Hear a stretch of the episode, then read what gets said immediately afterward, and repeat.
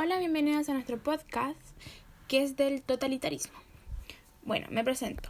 Soy Almendra Medel y este es nuestro grupo integrado por Florencia Zúñiga, Ignacia Mena y Emilia Daño Betín. Bueno, nosotros optamos por el totalitarismo por el hecho de que nos llamó la atención y además de que lleva muchos cambios y consecuencias que aún están presentes, teniendo también relaciones con muchas características de algunos presidentes de la actualidad.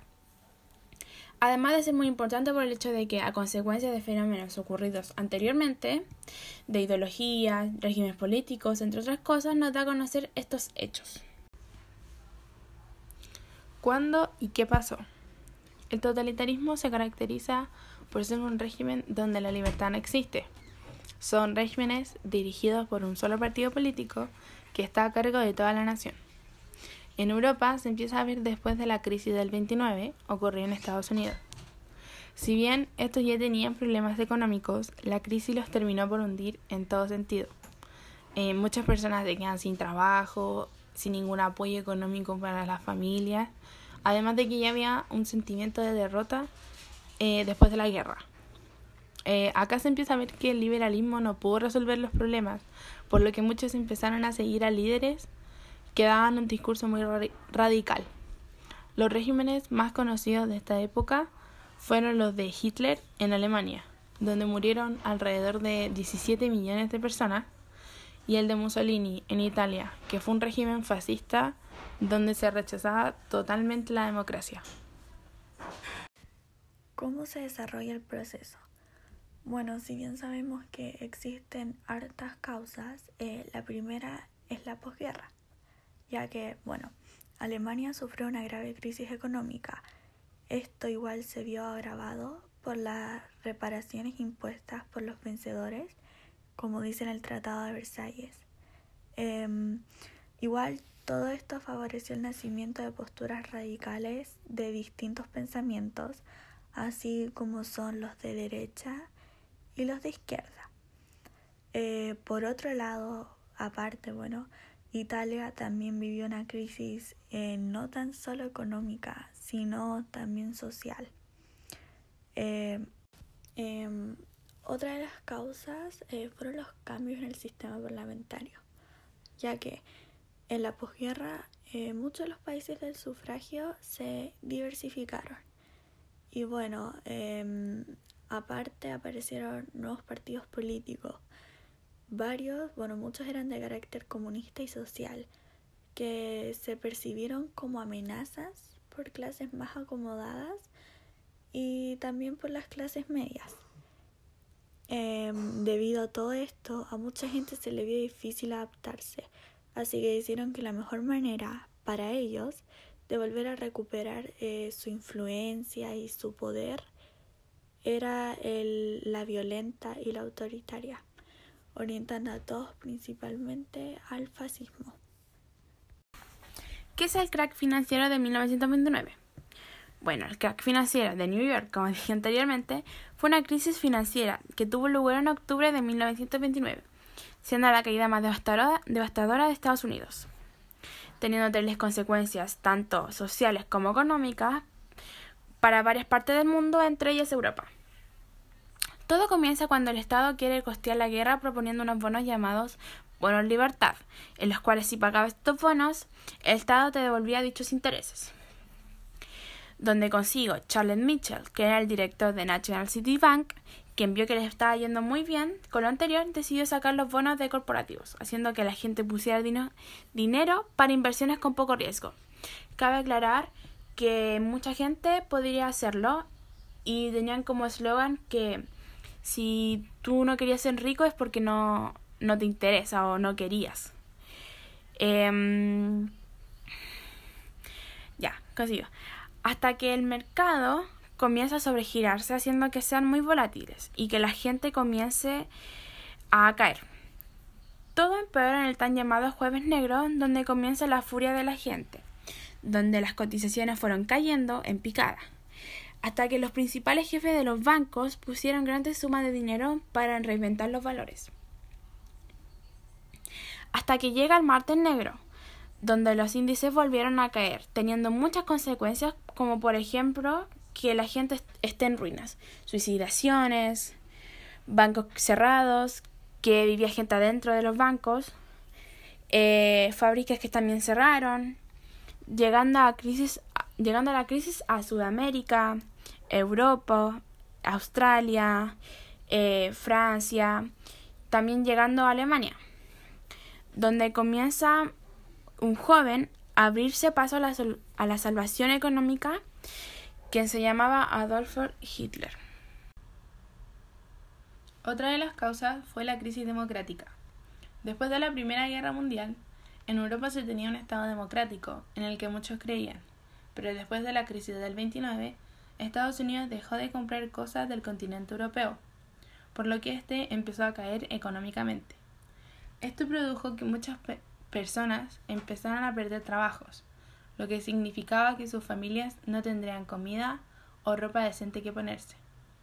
Toda esta preocupación y enojo llevó a que la gente empezara a criticar el liberalismo, ya que no contenía los grandes problemas que la gente estaba viviendo. Una cuarta causa del totalitarismo fue el comienzo de una polarización política. Muchos trabajadores políticos y los que se vieron mayormente afectados se opusieron en contra del capitalismo, que no pudo con todos los problemas que se estaban viniendo y estos empezaron a sentirse identificados con la revolución socialista. Mientras que por otro lado, la burguesía y la clase media se empezaron a preocupar por, por la revolución que se podía venir. Obviamente, si esto pasaba, ellos perderían su estatus, por lo que comenzaron a apoyar las ideas de ultraderecha y de cualquier intento de democracia, para así poder defender el capitalismo y que el comunismo no se impusiera como un nuevo orden. Todos estos pensamientos dividieron a la gente en dos grandes grupos, con ideales totalmente diferentes. ¿Cómo afectó esto socialmente? Bueno, esto socialmente afectó en la educación, la economía y política. Es decir, el Estado intervenía en todos los ámbitos de la sociedad y cualquiera que estuviera en contra del régimen se le aplicaba, se aplicaba la violencia. Otra cosa que se adhería al régimen era la propaganda. Se fomentaba el racismo y la raza única, que eran, que eran los blancos, además de fomentar demasiado nacionalismo. Existía un, un monopolio. Lo más radical de este periodo fue la, fue la oposición al liberalismo económico y se rechazaba la ideología comunista. Bueno, las opiniones. Creo que hasta el día de hoy hay presidentes que usan estos métodos y que siguen estos ideales del totalitarismo. Eh, esto siento que no genera confianza con el Estado y puede traer muchas consecuencias, ya que como mencioné en una causa, eh, al querer levantar la voz, eh, se usa el poder y la, y la violencia para callar a otros. Eh, bueno, si bien esto está mal, se puede reprimir a otros con el poder que tienen otras clases sociales y hasta el día de hoy hay presidentes em, que siguen estos ideales o con estos rasgos como se va a mencionar más adelante en las opiniones de mis compañeras. Mi opinión del, del tema vinculado al presente. En mi opinión, este tipo de totalitarismo, la mayor parte de las personas aprobó el concepto, en el cual la otra mitad de la gente fue afectada siendo vulnerable y endebles con esa población, con esa parte de población. Aunque la gente de esa época no se daba cuenta de la forma de vida de dictadura y de régimen, hasta que la gente estableció el conocimiento de lo que estaba pasando y de la forma en que cambiaron en la sociedad, pero dándose cuenta muy tarde ya haciendo que la gente comience a tener miedo, descontrol, como también impotencia, y dejará de creer en estas personas tan autoritaristas para hacer eh, este tema de presidencia o con eso.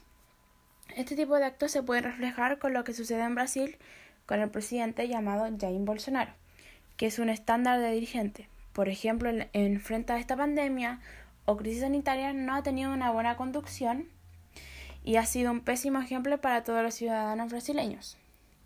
y con ello dando un pésimo ejemplo también de forma de gobierno de él. En este sentido, no considera la opinión de sus ministros para enfrentar la crisis siendo totalitaristas.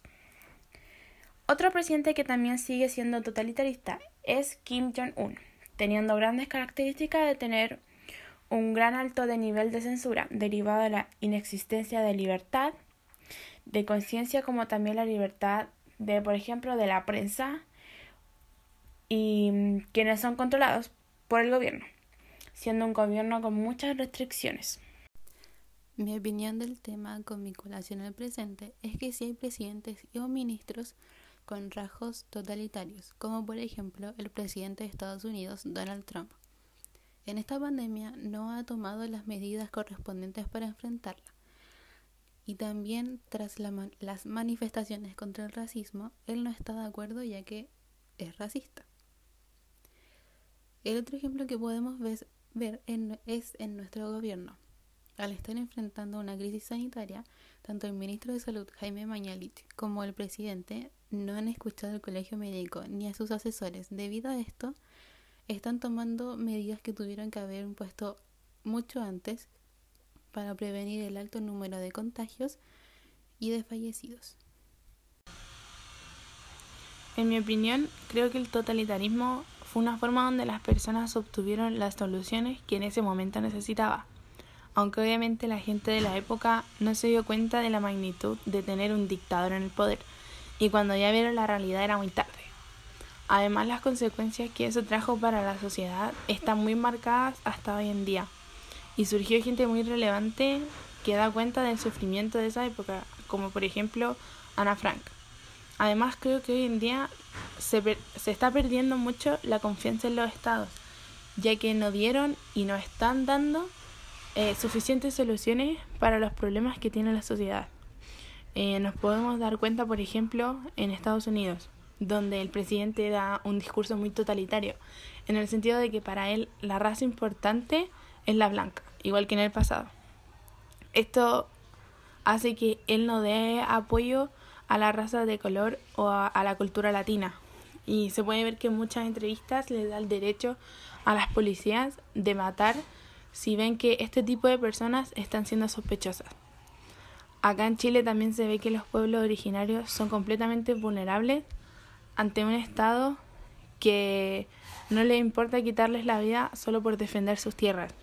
Entonces creo que estamos viviendo un tiempo muy parecido al anterior donde hubo una necesidad de soluciones y un Estado que no sabe cómo hacerlo. Y muchas culturas están sufriendo las consecuencias solo por no pertenecer a lo que para algunos presidentes es la raza importante y la que predomina. Bueno, nosotros como grupo pudimos concluir que el totalitarismo empieza luego del crack financiero de 1929 y del hundimiento de la Bolsa de Nueva York. Esto debilitó al sistema liberal y financiero. El radical se puede relacionar con la actualidad, ya que hoy en día existen líderes que tienen características de un régimen totalitario.